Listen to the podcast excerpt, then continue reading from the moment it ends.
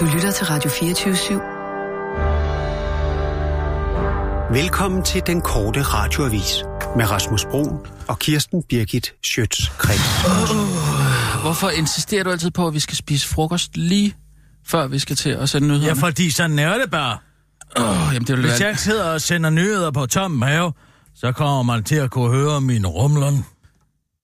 Jo, men altså, jeg synes bare, det, det, det der med at spise, spise frokost på, på hvad, hvad, hvad var det? 6 minutter i dag?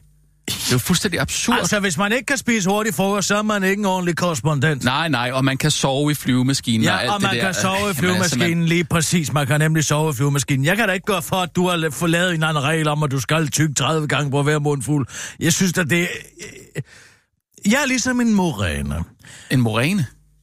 Havets grovæder. Havets hvad? Grov? Havets grovæder. Morænen. Nå, Hvis jeg får fat i noget, det kan være en fisk, det kan være en arm, så kan jeg sluge det hele. Det kan også være noget andet. Men jeg kan i hvert fald få det ned. En moræne har jo et omvendt sæt kæber siddende inde i halsen, som er ud over det sædvanlige sæt kæber. Øh, så at hvis der først kommer noget derned, så kan det ikke komme op igen. Jo, jeg har engang selvfølgelig bøvset en halv og vinersnitsel op, men det var på grund af store mængder øl. en Øh, halv og- vinerstilsel. Ja, en halv vinersnitsel. Ad. Åh, oh, hold da op. Den så nærmest fuldstændig ud, som da den var på tallerkenen. Øh, jeg, jeg holder fast i mit ad. Ej, jeg har engang øh, kastet en cocktailpølse op ud igennem end at- næsen. Ja, En det der, halv det, den der vandrehistorie der. Vandrehistorie. Fandens pumpetøj, kan Gud, være, Gud og hver mand har, har engang fået en cocktailpølse ud af næsen. Det er en løgnehistorie. er det blevet til en vandrehistorie? Jeg har selv været ude for Du det. har sgu ikke været ude for det. Jeg En har hørt den historie fra til højre og venstre, hvor inden jeg kom fra Milano til Rom, så går alle og fortæller historien Ej, om nu- den gang, de som barn fik svensk pølseret og kom til. Nej, og det var ikke svensk pølseret. Det var en hjemmelavet pizza med cocktailpølser på. pizza med cocktailpølser. Og jeg har ikke spist cocktailpølser siden. Nej, det siger alle også. Må Ej, have det flot, at du går rundt og papegøje andres bedrifter. Tænk engang, at man har Det er haft et lyst et Hvorfor liv. gør du det her? Begivenhedsløst liv. At man må stjæle en historie om at have pustet en cocktailpølse ud af næsen. Så er der... Jeg har Jeg mødt Gorbachev. ud. Jeg er du kastede- klar over det? Nej. Jeg har mødt Gorbachev. Jeg har talt i telefon med Dalai Lama. Jeg har øh, trykket Ronald Reagan i hænderne. Og så kommer du og fortæller mig, at du engang har fået en cocktailpølse ud gennem, ud gennem næsen. Bare En rager det halv mig. cocktailpølse. Oplev et eller andet. Tag ud i verden, sgu da en se oplevelse. noget. Jamen- Sid på bunden af Marianergraven. Gå ned Okay. i Challenger Deep.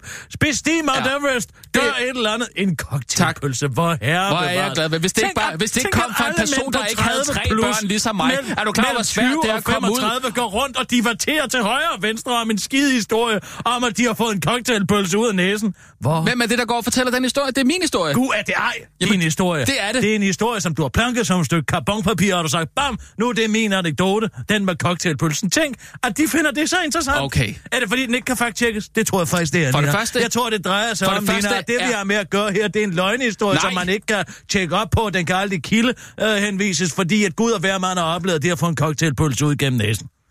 Jeg synes måske også, at dit næsebord er ikke så stort. Nej, at det er nemlig det. Nej, men den sætter sig fast lidt Hvis det længere var op, sket og så for var jeg Troels nødt til at puste så havde jeg den. måske Så var jeg nødt til at puste noget. Den. Og så, ind- og så sad den fast op. Ja, ja, så sad den fast deroppe, og den var helt smurt ind i alt muligt. Ja, ja, jeg har hørt den 100 gange Ja, før. opkast. Jeg har hørt den hundredvis af gange før. Okay, men hvordan kan du så sige, at det ikke er en interessant historie, hvis alle går og er fortæller den? Vil du gerne fortælle mig, hvad du har drømt i nat? Skal jeg lige sætte en halv time af til at høre den Nej, spændende det historie? skal der nok. Det har jeg da fundet ud af, at man ikke skal fortælle dig. Men hvordan vil, du, for- hvordan vil du forklare, at hvis den øh, historie med cocktailpølsen ikke er interessant, hvordan vil du så forklare, at folk går rundt og fortæller den? Jamen, det er da i virkeligheden også sagens største mysterium. Aha! Ja, men det handler vel om, at øh, mænd i alderen 25 til 40 ikke har bedrevet noget som helst interessant i den her generation. Okay, det var noget, jeg oplevede allerede som 12-årig. Ja, men hvis det ikke havde været for... Det er vel også derfor, at Jeppe Nybro, han går rundt og diverterer med den der historie om islamisk stat, fordi alternativet havde været, at han havde brækket en cocktailpølse op igennem et næsebord.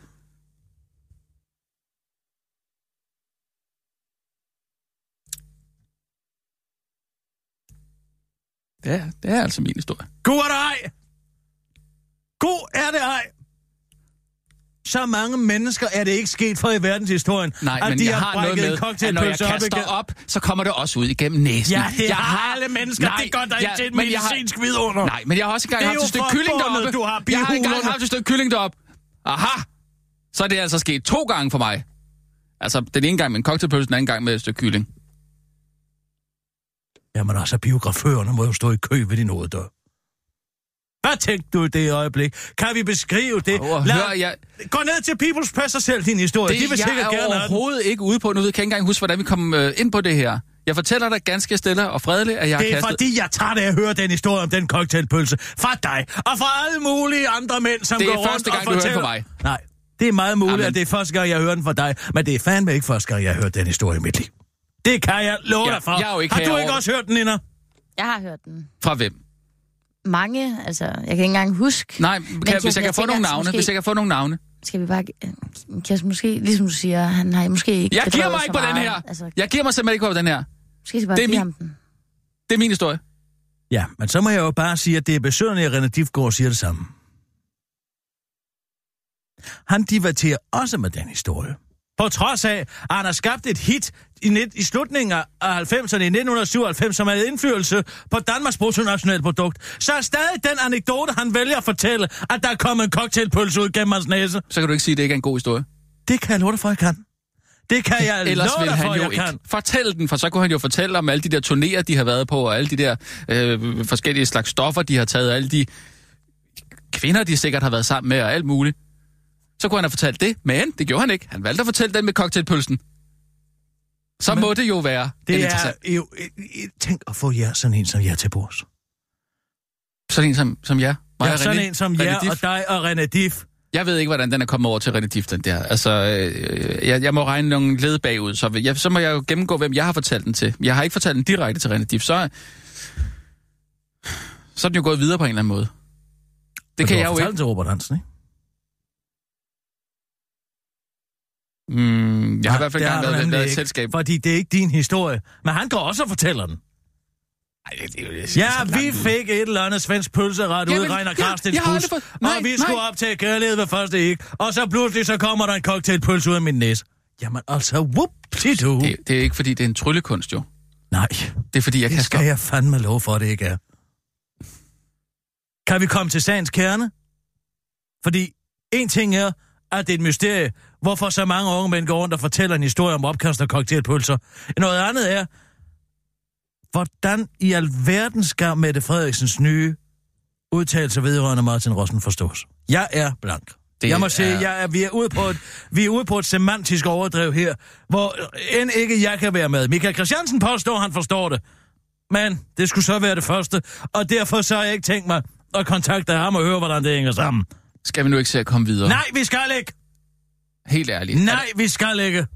Nej, vi skal lige netop ikke. Mine spørgsmål til Socialdemokraterne tid hober sig op. Hvad skal Henrik Sass lave? Er han sygemeldt, eller er han rask? Er han tilbage, eller er han ikke tilbage? Hvordan måler de øh, på det lækkede dokument øh, notat om øh, finanslovsforhandlingerne, hvad folk er mest sure over? Har de sådan en eller anden form for barometer derinde, hvor de kan se, det er folk skide sure over, det må vi hellere holde, hvad vi lover på det her område, eller ej, når de har skidt. Hold i alt det, så uh, valgløfter herfra og til kønnel miso. Ja. Og det tredje spørgsmål, som jeg simpelthen ikke kan forstå, det er, hvordan... Og det kan være, du... Du har jo sådan en krøllet hjerne. Ja. Ja. Ja, tak skal du have. Martin er ikke en vicestatsminister, og havde jeg ønsket en vicestatsminister, så havde jeg udpeget en sådan, så det er han ikke. Okay, Det er jo til at tage at føle på. det må man sige. Du siger i et folketingssvar, at Martin Rossen indgår på lige fod med andre udvalgsmedlemmer. Det er i forbindelse med hans plads i øh, koordinationsudvalget og økonomiudvalget, de to mest magtfulde udvalg i Folketinget. Betyder det så, at han har samme beslutningskraft som minister? Her kommer det. Mm. Ja. Nej, det gør det selvfølgelig ikke. Nå, okay. Det er ugebladet af fire, øh, ja, der er en citathistorie fra Ritzau, øh, som handler om, øh, hvad Martin Rossen egentlig har reelt magt, nu hvor han ikke kan stilles til noget form for ministeransvar, men trods alt har en, ja, en magt, der minder om en ministers. Nej, det gør det selvfølgelig ikke. Arbejdet i koordinationsudvalget og økonomiudvalget er sådan, at det er henholdsvis mig og finansministeren, det er Nicolai Vammen, som sidder for bordenden. Mm. Når der træffes beslutninger på et givet område, så er det ministeren. Hvor sidder Martin Rossen?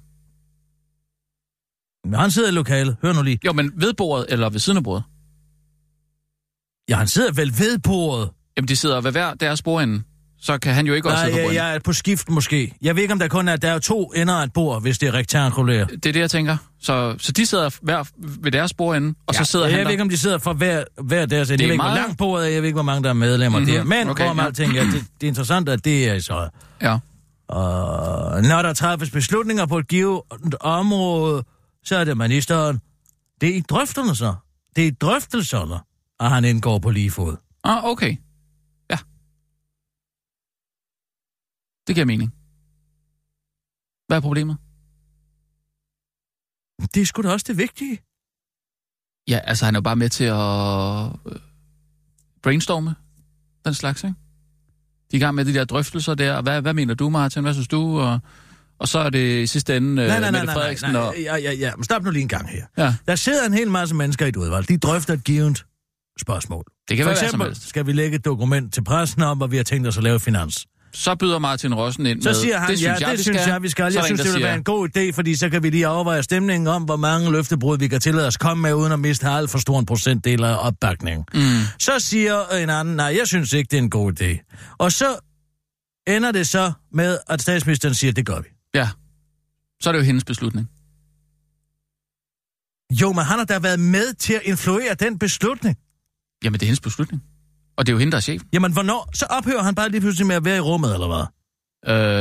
Øh, Altså, hvis Nej, vi har en diskussion, tag nu for eksempel Vansi-konferencen. ja. Øh, bare for at bruge et, hvad skal man sige, mere et håndgribeligt eksempel, som alle forstår. Altså, Det er et gammelt eksempel til gengæld. Kan vi tage noget mere? 1942, men alle ved jo, hvad det drejede sig om. Alle de højtårstående nazister mødtes i, øh, på Wannsee uden for Berlin og øh, diskuterede det øh, jødiske spørgsmål. Mm, Der var inputs, der var det højre, der var det til venstre. Ja, ja.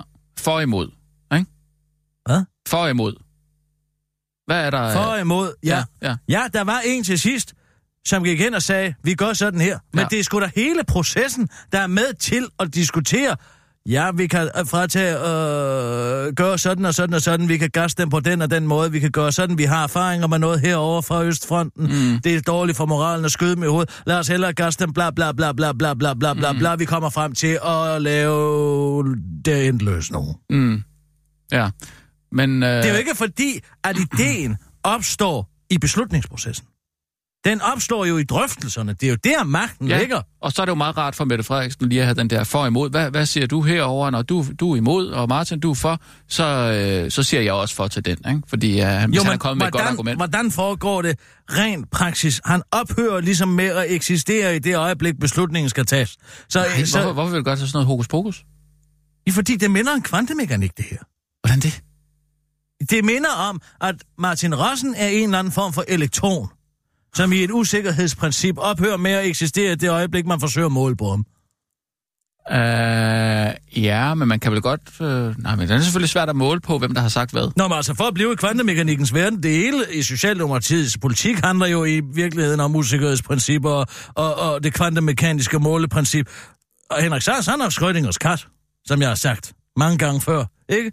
Er, enten er han der, eller også er han der ikke. Ja, eller? men han er der. Men han er der samtidig ikke. Ikke? Øh, altså, han er der jo. Der sidder en Henrik Sass inde på hans kontor. Det ved vi. På hvis, hvis kontor? Jo, men hvad nu, hvis vi åbner døren, og så er han der ikke? Hvis kontor? Så er han nede i... Hvad? Sasses kontor? Du, ja, du ser, at han sidder på hans kontor. Hvis kontor? Mm-hmm.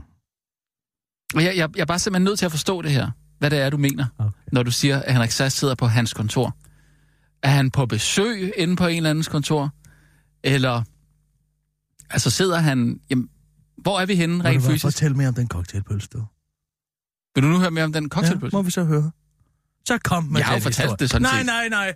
Nu jeg træt af den her passive aggressivitet. Fint! Fortæl den historie om den cocktailpølse.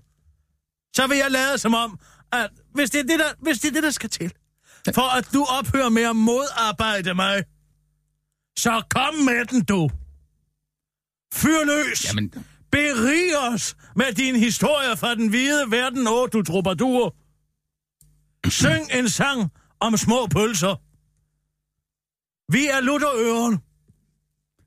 altså... Det, det, det, det, jeg ved ikke heller ikke, hvor spændende det er, men, Nej. men det drejer sig... Det Det drejer, kan jeg sig, godt forstå. Det drejer sig bare om, da jeg var lille, der, jeg tror, jeg har været 12 Ej, år eller sådan noget, der, Det er det mest fantastiske. øh, skulle vi have hjemmelavet pizza. Øh, og, øhm, og den lavede min, min mor altid med, med cocktailpølser og Ja. øh, broccoli. Nej, det var og, bare sådan et og, franskbrød med ketchup ovenpå og cocktailpølser. Nej, det var jo dig, ikke? Altså, franskbrødsdej, ikke? Jeg ved lige, hvad det er for noget. Fint, fint. kødsovs øh, var der, og... Ja, og så... Hvad er dit første fad? Jo, jo. Ja, ja. Ved. Så øh, Ikke på en stik. spiste, spiste jeg... Nej, det er jo altså en teknik, fra- te, en teknik, man først opdagede meget senere her i Danmark. Ikke smurt det med smør, ikke? Olivenolie. Nej, nej. Så spiste jeg den, og så var det sådan, at jeg, jeg, jeg, jeg, jeg fik det dårligt simpelthen om aftenen. Ikke på grund af pizza, men øh, fordi jeg fik øh, noget influenza. Og så vågnede jeg op om natten og havde det mega dårligt, og så skulle jeg bare ned på toilettet, øh, fordi jeg kunne bare mærke, at jeg skulle kaste op. Og så på vej ned øh, af trappen, der kaster jeg så op. Og det står bare ud øh, af mund og næse, ikke? Kender du det? Når man, når man kaster op, og det bare står ud gennem både mund og næse. Og så kan jeg bare mærke, åh, shit, der er et eller andet på vej ud af næsen. Og så må jeg så ligesom, ha, ha, ha, ha, ha, og så pup, siger det så. Og så rører der bare sådan en, en halv, måske en kvart cocktailpølse ud. Så lige sådan en lille bid øh, cocktailpølse, det rører ud af næsen, ikke? Og så står man der. Øh. Øhm. Mere var der sådan set ikke det. Men det er altså en historie, som er blevet hos dig. Jeg kan, jeg kan En huske det. oplevelse, som står mejslet så dybt i dine erindringer, at den ikke er siden er blevet erstattet af nogen andre og større oplevelser i de forgangne. Jo, jeg kan komme i tanke om en 30 på øh, Jamaica, øh, som står ret godt printet, print, printet ind i min øh, bevidsthed. Mejslet, faktisk. Men det er jeg ikke træt dig med. Var det den, hvor du voldtog en 13-årig pige? Nej, Var det den Kirsten, historie? Det var ikke den, hvis du Fordi endelig hvis du vil gerne det. vil fortælle den anden historie til Nina, så kan jeg jo passende følge op Hvad med, mener hun? med et levende, en levende fortælling Det har du ikke gjort, Rasmus. om en brusende ø-forelskelse. For det første var det ikke en voldtægt. Åh, han fandt en havn i pigens favn i Kingston Town. En 13-årig pige. Det var ikke en voldtægt. Hvor gammel var du? Ja, så vidt jeg husker, var det forrige år. Nej, det mener du ikke. Og så vil Rasmus gerne fortælle sin historie. Øh, det var bare sådan en... Øh, Han havde gået og lagt an på hende i så lang tid, og ikke haft haft modet til det. Og hun var så ung og så fær, og så ene og det andet. Fy for helvede. ja, Nina. Nu skal du lige passe på. Ej, man øh, kan sgu ikke engang kigge på dig lige nu. Nej, det kan jeg godt forstå, det er også så ulækkert. Og ved du, hvad han så hvad han, hvad han vil komme igen med nu? Fordi jeg kan lige så godt fortælle historien. Jeg var i seng med Nia.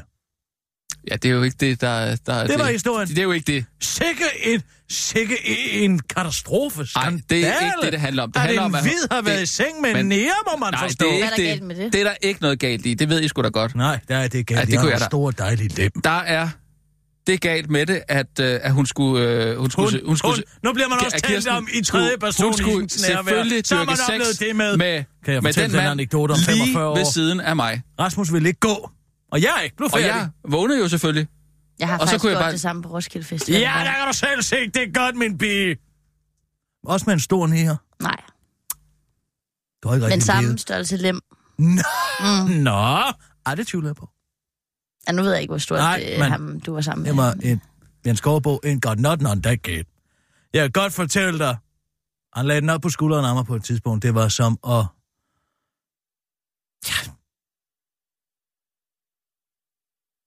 Det var som at gå med... En bazooka. Ja, det var det faktisk.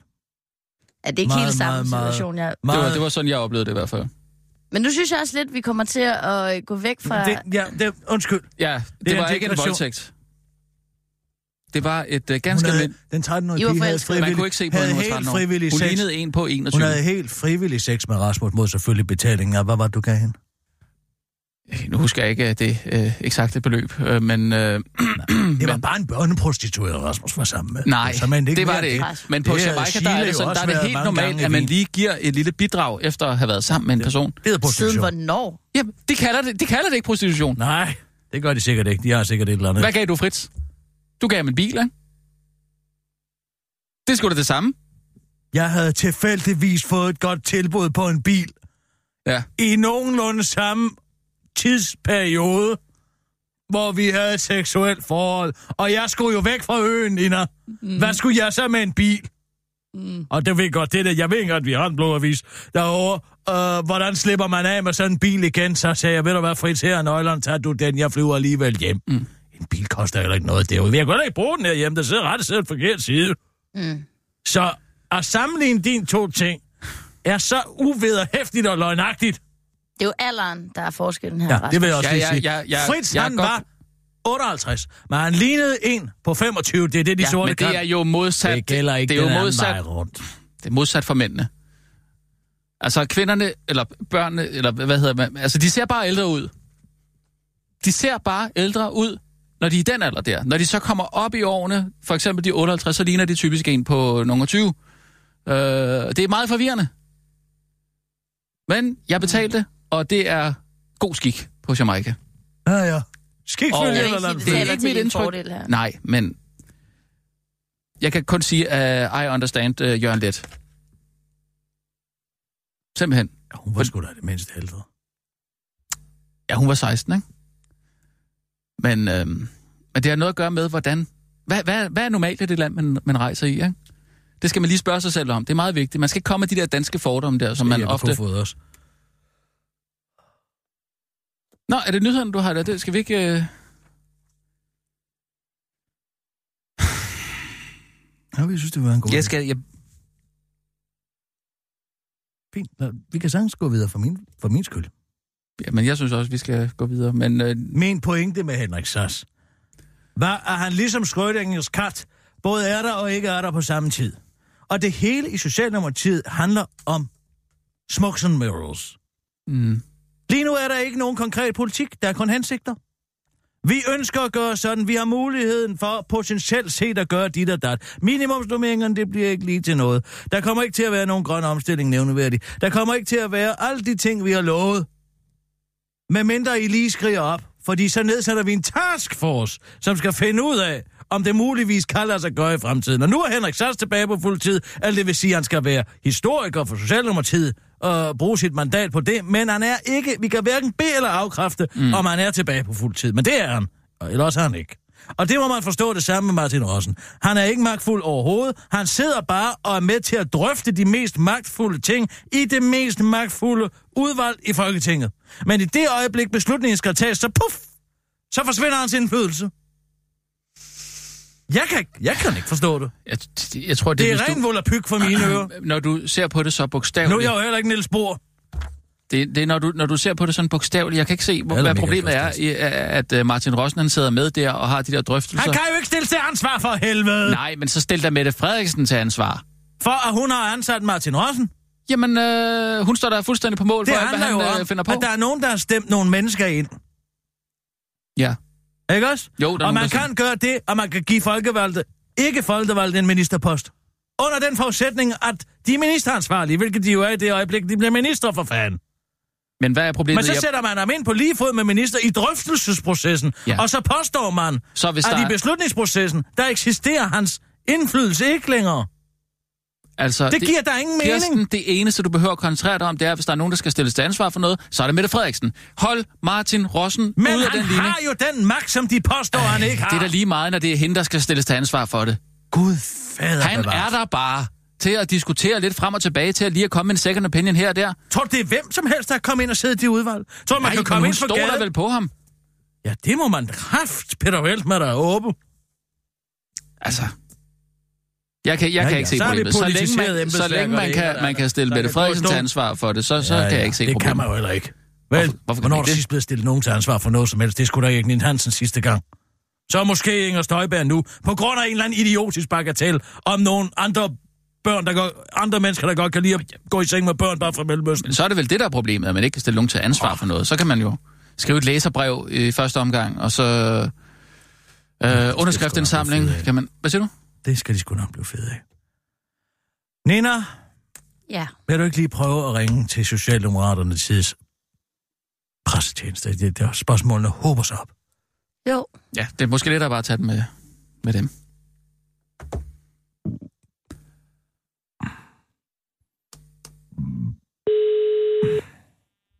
Hvor mange spørgsmål er der nu? Jo, Henrik Sass, og det med notatet, og det med Martin Rossen, ja. Ja.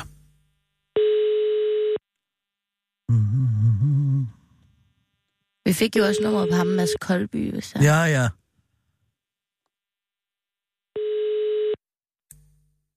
Du ringer til Kim Bunde. Jeg kan slet ikke tage telefonen lige nu. Øh, prøv igen senere. Nej, okay, så læg på, og så prøv Mads. Koldby.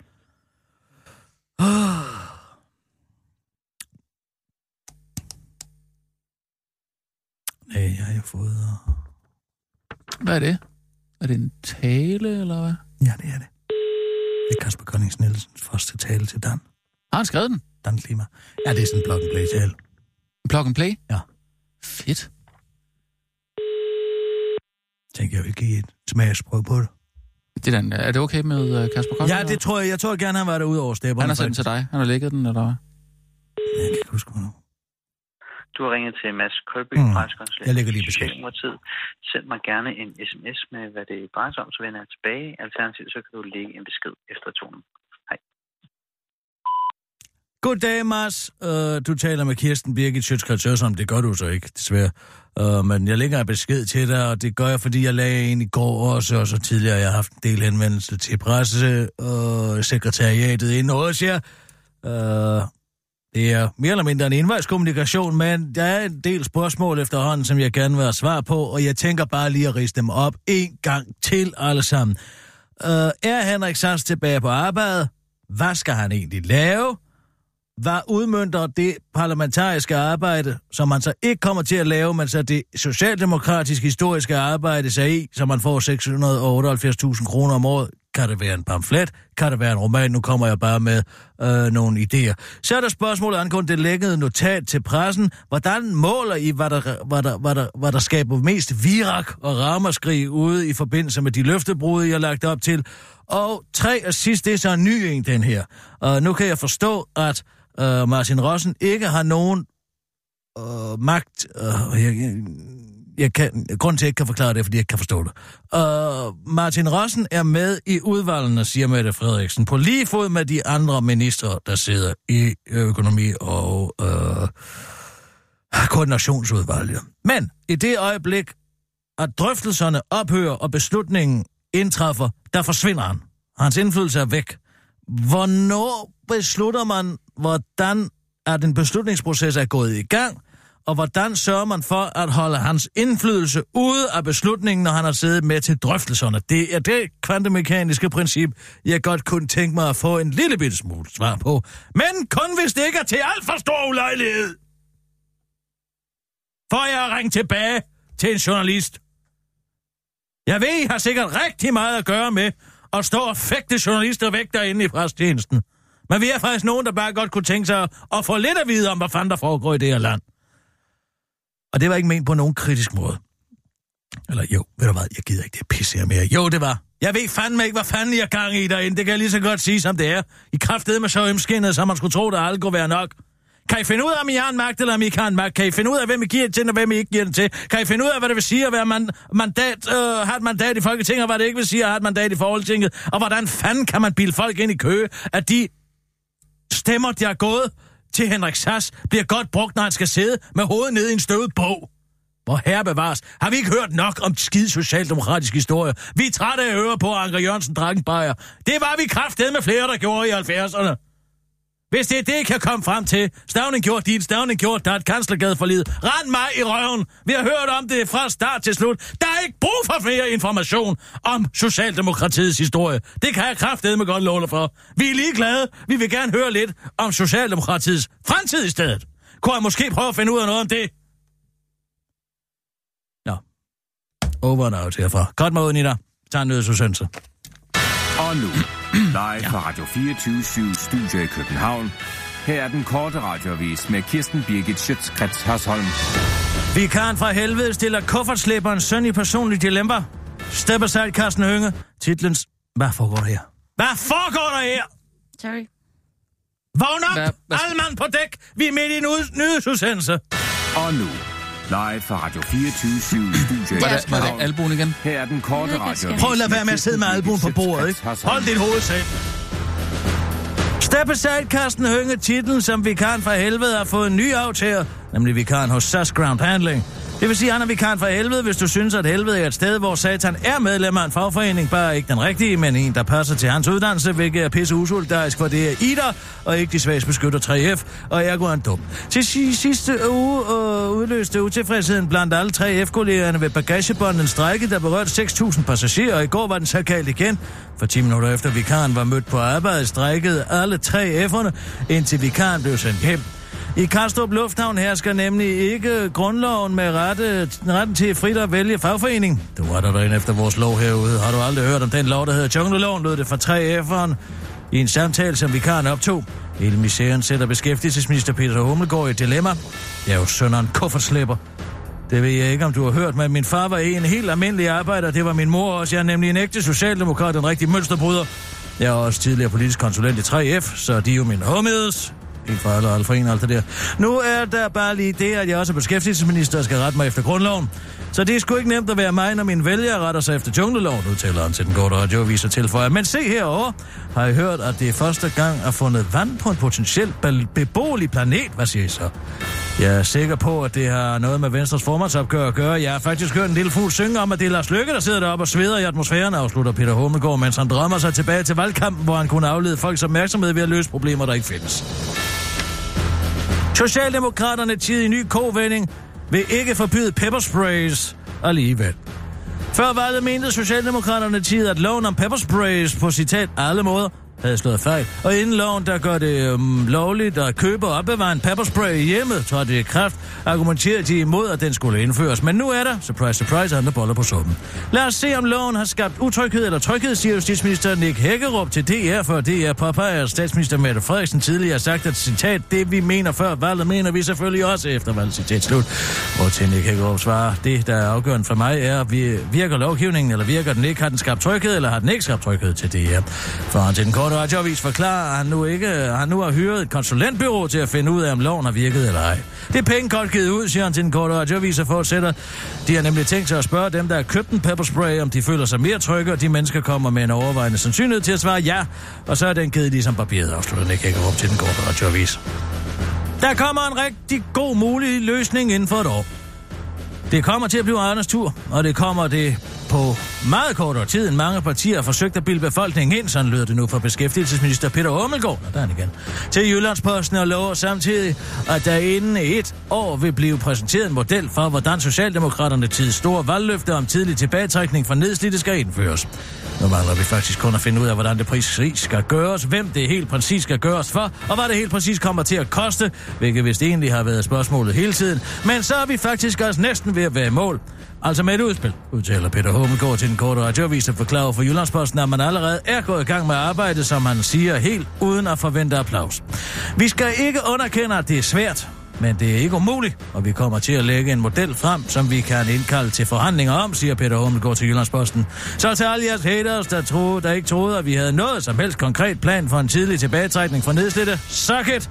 For det får vi nemlig inden for et år, til Peter Hummelgaard ind til- den korte radioavis og forklarer, at det han er allermest stolt af, ved at regeringen kommer med en mulig løsning inden for allerede et år, nok er, at Socialdemokraterne tid aldrig gik ned på de andre partiers lave niveau i valgkampen, hvor de prøvede at skræmme befolkningen til at tro, at Socialdemokraterne tid ikke andet var en tidligere tilbagetrækning for nedslidte helt præcis ville indeholde. Men vi holdt stadig fast og blev ved med at snakke om noget andet, afslutter Peter Hummelgaard til den korte radioavis. Det var den korte radioavis med Kirsten Birgit Sjøtskrets også.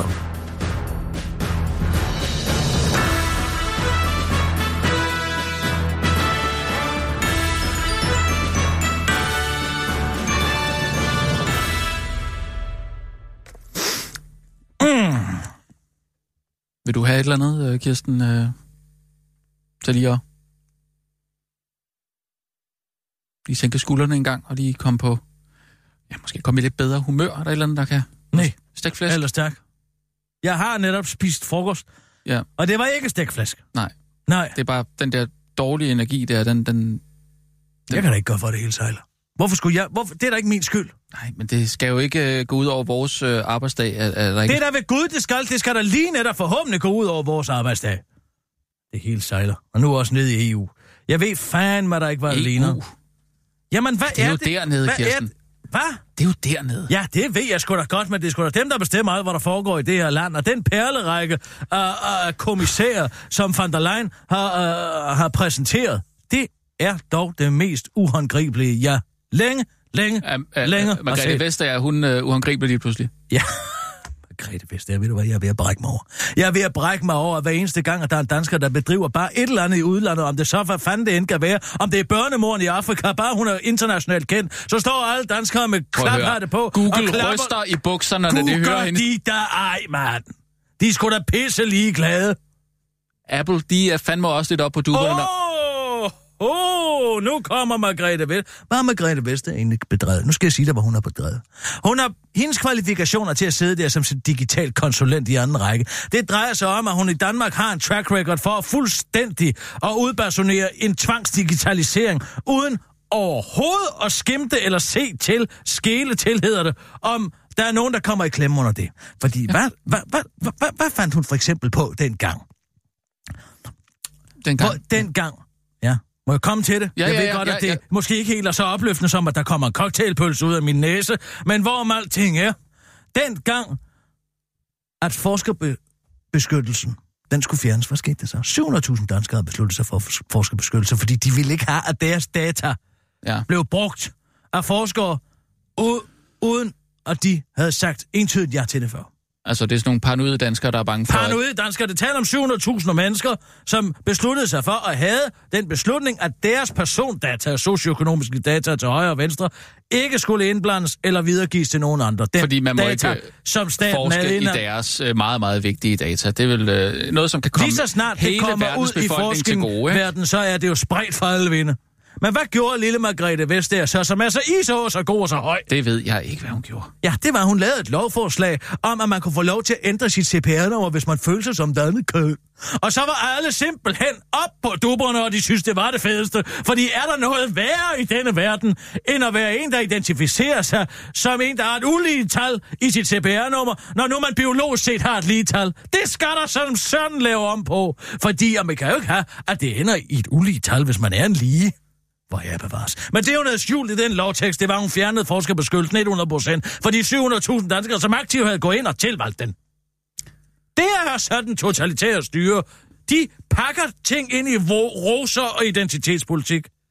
Så smukt. Så fik hun kørt den ind ad bagvejen, ikke? Samtidig med, at alt digital, alt post skulle Altså, digitaliseres. synes, Så gamle er mennesker, god- de kan nu, blive røvpullet landet over. idé? Folk, der aldrig Kirsten, nogensinde har brugt andet brevåbner, skal til at bruge nem ID hver eneste gang, de skal læse noget fra det offentlige.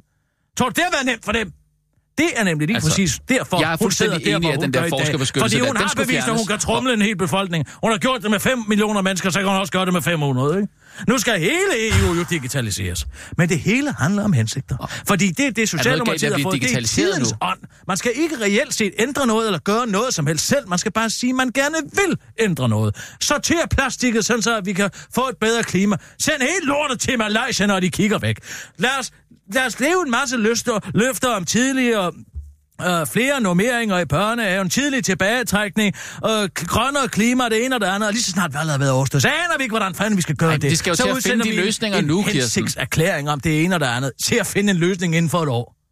Ja, Inden for altså, et det- år vi- er der en mulig udbud på, hvem der kan få lov til at trække sig tilbage, alt imens Henrik Sasson sidder på et skånejob over på sit kontor. Ja, det er fandme flot. Men sådan gør man også nede i EU. For de to mennesker, der skal stå for The New Green Deal, van der Leyen og Tillerman, T for the Tillerman, de har aldrig nogensinde før talt om klima. Det har aldrig Nå. på noget tidspunkt i deres... De har aldrig arbejdet med det. De har aldrig nogensinde ytret et klimaorienteret ord. Så kommer de med Siden nogle, for et nogle år siden. friske øjne og kigger på det. det. skal jeg lige præcis love for. Og hvem har man så sat i spidsen for den europæiske økonomi? Pas. En italiener. Ja. Jamen altså. Og man Den tidligere nu. premierminister, han er blevet chef for EU's økonomiske plan, som egentlig handler om bare at løsne tøjlerne og give noget mere vækst. Vi skal ikke have mere kontrol, vi skal have mindre kontrol. Mm. Der skal. Ja. friere rammer. Men samtidig så har man sat ham i parløb med Letten, Dobrovski, som øh, den tidligere øh, konservative lettiske premierminister, som er chef for et område, som... Ja, jeg bliver nødt til at læse det op, for jeg kan simpelthen ikke huske, hvad det hedder. Det er så kafkas, at det... Øh, han er blevet kommissær for citat, og nu citerer jeg, mm. en økonomi, der fungerer for mennesker. Øhm, ja, økonomi, der fungerer for mennesker. Det, det er hans ressortområde. Hvor, Ja, hvor, hvor, hvor, hvor, ja. hvor er det lige præcis, det afgrænser sig til? Er det skatter? Det lyder sådan, ikke? Det er noget, der fungerer for mennesker. Det er vel bare sådan en dagligdags økonomi. øh, handler, måske. Så det vil sige, at den økonomiske chef, Gentilini, ikke? Den tidligere premierminister, Paolo Gentilini dernede, Ja, han skal svare... Han, han, han, han har en chef, ja. som er lette og hedder Dombrovski, og som har som ressortområde en økonomi, der fungerer for mennesker. Jamen, Det aner jeg simpelthen ikke, hvad det betyder. nej, men det må at jeg, det må der er jo jeg, heller ikke andre, der forstår det. Man behøver ikke at forstå det, for at Phil. det fungerer, vel? Så er der Big Phil derovre, ikke? Big Phil? Phil Hogan. Ikke ham. Det er ikke ham, der tror det her.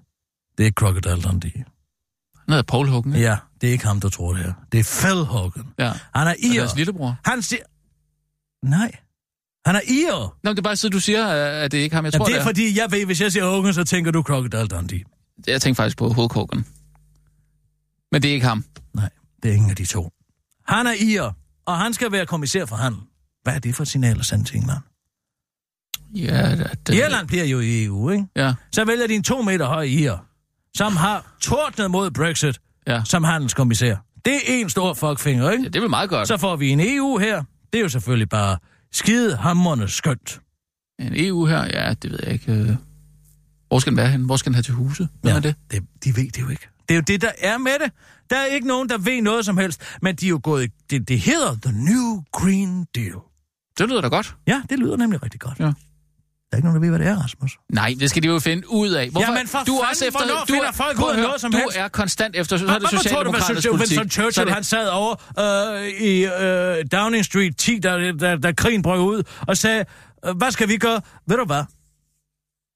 Det finder vi ud af i løbet af et år. Det kan man sgu da ikke. Man må sgu da sige, at nu man har vi den her politik, at- vi gør det og det og det og det og det, og det er det, vi er gået, det er det, vi er gået til valg på. Sæt sig ned og tale om tingene for at finde ud af, hvor man skal hen, i hvilken retning, og hvordan man gør det. Altså, det er jo bare nogle Jamen, beslutninger. det kan man sgu da finde ud af, inden der bliver valg. Det, det ved jeg ikke, om man kan, om man har... Socialdemokratiet har haft, jeg ved ikke hvor mange år, fire år, Ja. til at finde ud af, hvad, hvad for en politik de gerne vil have. ja, men de skal vel bruge Og nu skal de til at finde ud til af, at regne nej, ud, de skal det... bruge det sådan, så du kan du stave til genvalg, hvad? Jakke jakke jak, kan du det?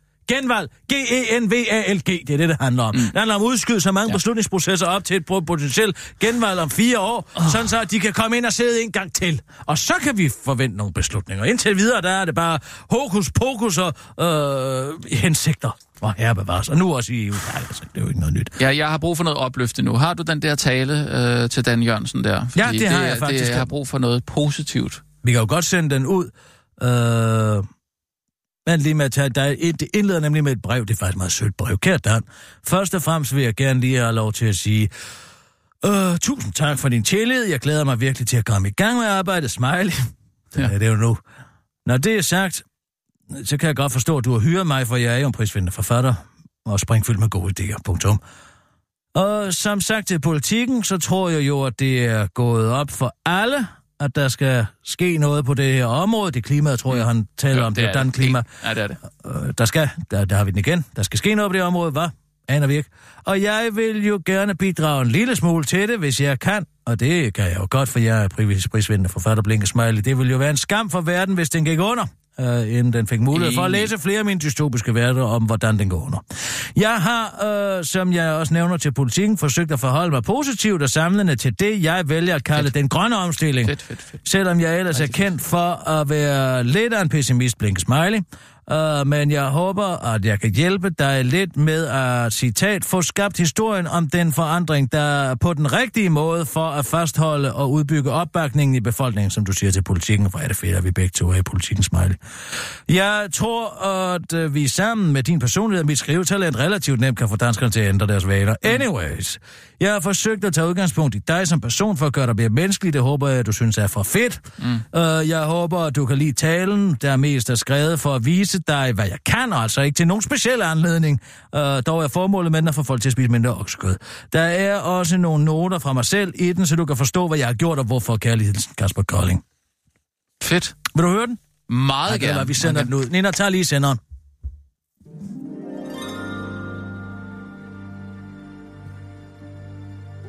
Dans tale til whatever, hashtag udkast 1. Det er sådan, at vi her på Øh, jeg, Kirsten Birke Sjøtskrets Hørsholm, har fået en indsigt i øh, Kasper Kolding Nielsens, øh, hvad skal man sige, ansættelsestale til Dan Jørgens, som, som taleskriver. Den vil jeg gerne dele med jer nu.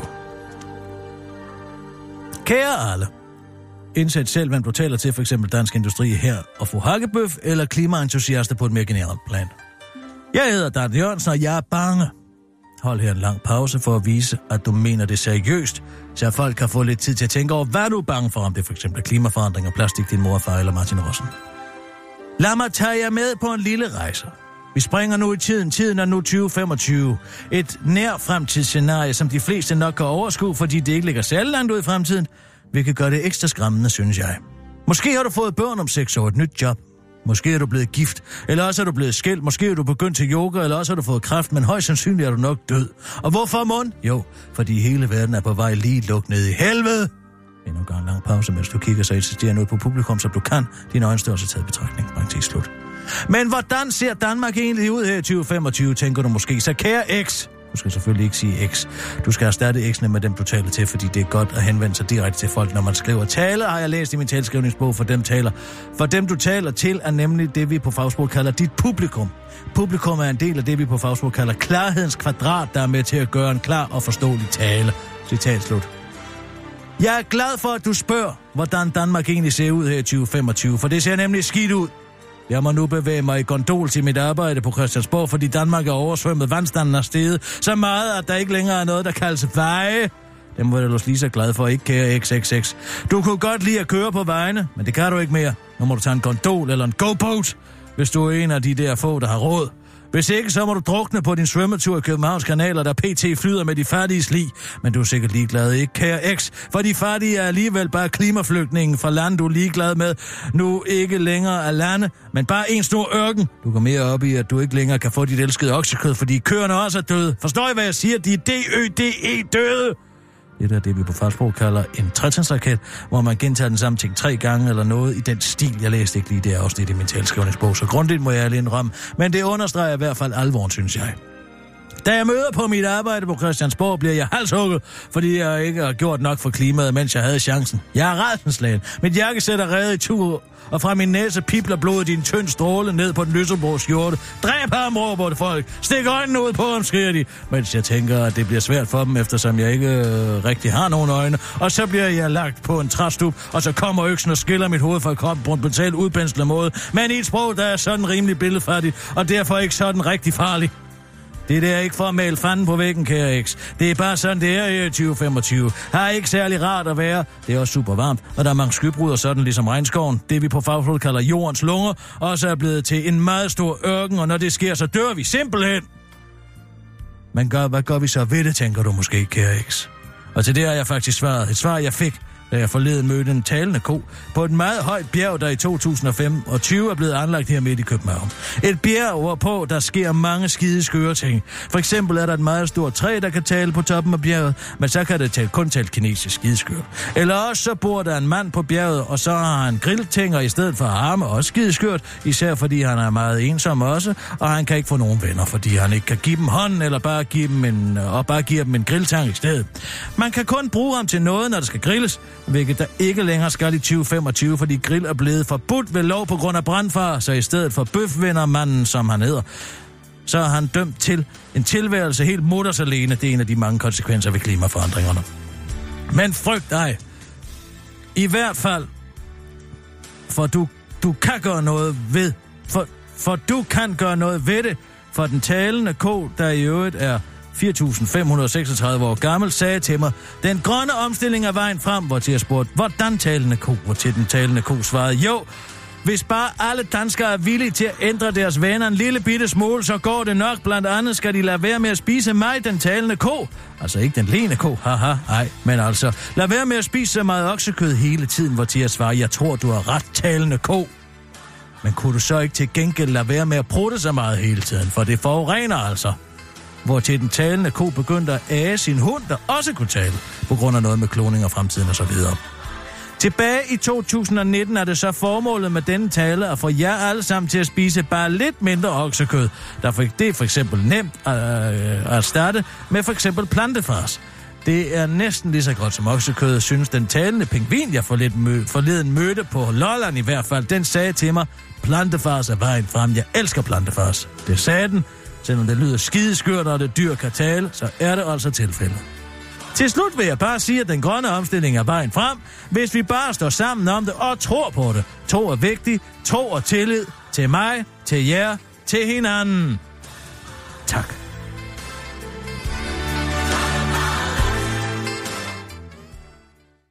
Stærk afslutning. Til mig, til jer og til hinanden. Ja, det, det, det er det, han gør.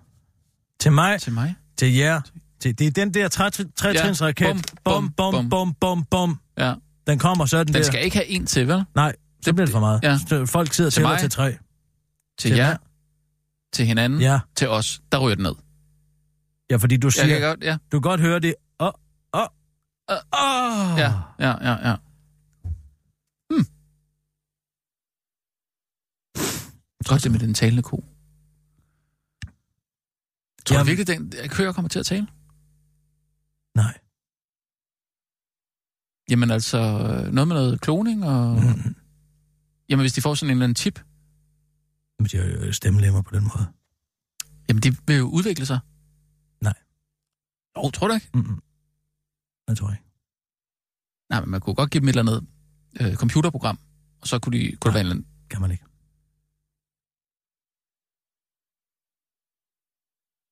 Det er jo en, øh, en tale skrevet af en forfatter, skal du tænke på. Jo, jo. Men han sætter det jo selvfølgelig lidt på spidsen, men, men alligevel... Øh, hvorfor ikke? Altså, en talende ko... Hvor, øh, altså, Fordi de kan ikke lade sig- de kan ikke lade sig gå. det kan, det kan man ikke bare sige. Nogle fugle kan tale. Det er fordi, de, er jo, de har jo øh, gennemgået en evolution. Mm, men de Øh, ved ikke rigtig, hvad det er, de siger, vel? Nej. Ja, altså nogle papegøjer gør jo... Der er også en gorilla, der kan tegnsprog. Men derfra til... Koko hed gorillaen. Den Mm. har jeg også mødt en gang. Men det vil du måske ikke høre mere om. Men mindre du, vil du gerne fortælle mere om din cocktailpølse? Eller skal Nej. jeg fortælle om den gang, jeg mødte den eneste primat i verden, der ikke var et menneske, som kunne tegnsprog? Ja, Det vil jeg enormt Ja, gerne det lyder lidt interessant, det må jeg indrømme. Øh, Jeg var i USA en gang, og øh, så taler jeg, falder i snak med ham, der hedder Robin Williams, som senere hen er, øh, øh, Hvad har du mødt Robin Williams? øh, heldigvis er begået selvmord, fordi han var en belastning at være sammen med. Det var hele What? tiden mig, mig, mig, mig, mig, op og køre. Og jeg sad en, en flyvemaskine 6 timer ved siden af ham. Jeg ville blive sindssyg. Jeg var ved at blive sindssyg af Altså, du på på business class, eller hvad? Han er first class derovre. Nå, ja, okay. Vi faldt i snak efter. Det var sjovt til at begynde med, at vi havde en god rapport med hinanden. Ja, Og så siger han, jeg skal over og møde Coco. Øh, så siger jeg, hvem er Coco? ja. Øh, det er en gorilla, der kan tegnsprog. Så siger jeg, det må jeg da opleve. Så Ja. ja. siger han, du kan da bare tage med, så flyver vi derover. Jeg var ved at blive vanvittig af den flyvetur. Nå, Hvis jeg havde kunnet, så havde jeg åbnet døren og sprunget i min egen det død. var han ikke sjov. Nej. Jo, det første kvarter er jo meget sjov. Ja. Men det bliver ved og ved og ved og ved og ved og ved og uh, uh, uh, uh, Ja, ikke? ja, ja. Det er med den på hele vejen. Jeg tror, han er jo meget alvorlig, sådan Nej, slet ikke. Sådan, Ja, kun når han begår, begår selvmord. Lige, lige de 10 sekunder er han måske taget alvorligt. Du skal takke lov for det. Nå, men vi ankommer så til Kalifornien, mm. og, øh, og kommer ind for at møde Coco. Mm. Og det første, hun siger, da hun ser mig, hun lægger slet ikke mærke til Robin Williams. Nå. Det er mig, hun fokuserer på. Så siger hun, Hvad siger hun? smuk. Nej! Det er det første goril. Smuk. Ja, smuk. Så peger hun. Det er sådan, man siger dig på tegnsprog. Okay, Peger. det, det, Så- kunne, det, det kunne Nej. du instinktivt uh, vide. Jamen, at- det, nej, fordi der sagde så, jeg kan jo ikke American Sign Language. Nej, Uh, det uh, var der en dyrepasser, der kunne. ja. Uh, og så siger hun, uh, uh, dig, mig, hø. Nå, siger jeg så. var det ikke en... en uh... Så siger hun, så siger dyrepasseren, Coco vil gerne i seng med dig. Nå. Så siger jeg, så må du sige til Coco, at det kan ikke lade sig gøre lige nu. Ja. Eller, nej, jeg sagde ikke lige nu. Jeg sagde, at det kan overhovedet ikke lade sig gøre. Ah, ja, okay, ja. Men så fik jeg bagefter simpelthen, det kunne have Coco fin forståelse for. Altså, det var ikke sådan, så, at øh, hun var brutal i den forbindelse. Så rejser Coco sig op, går hen til mig og giver mig det største bjørnekram, jeg nogensinde har fået. Det var en gorilla jo. Ja, ja, men det var en, en, om, en omklamring. Fantastisk. Ja. Og ved du hvad? Nej. Hun lugtede slet ikke af lort.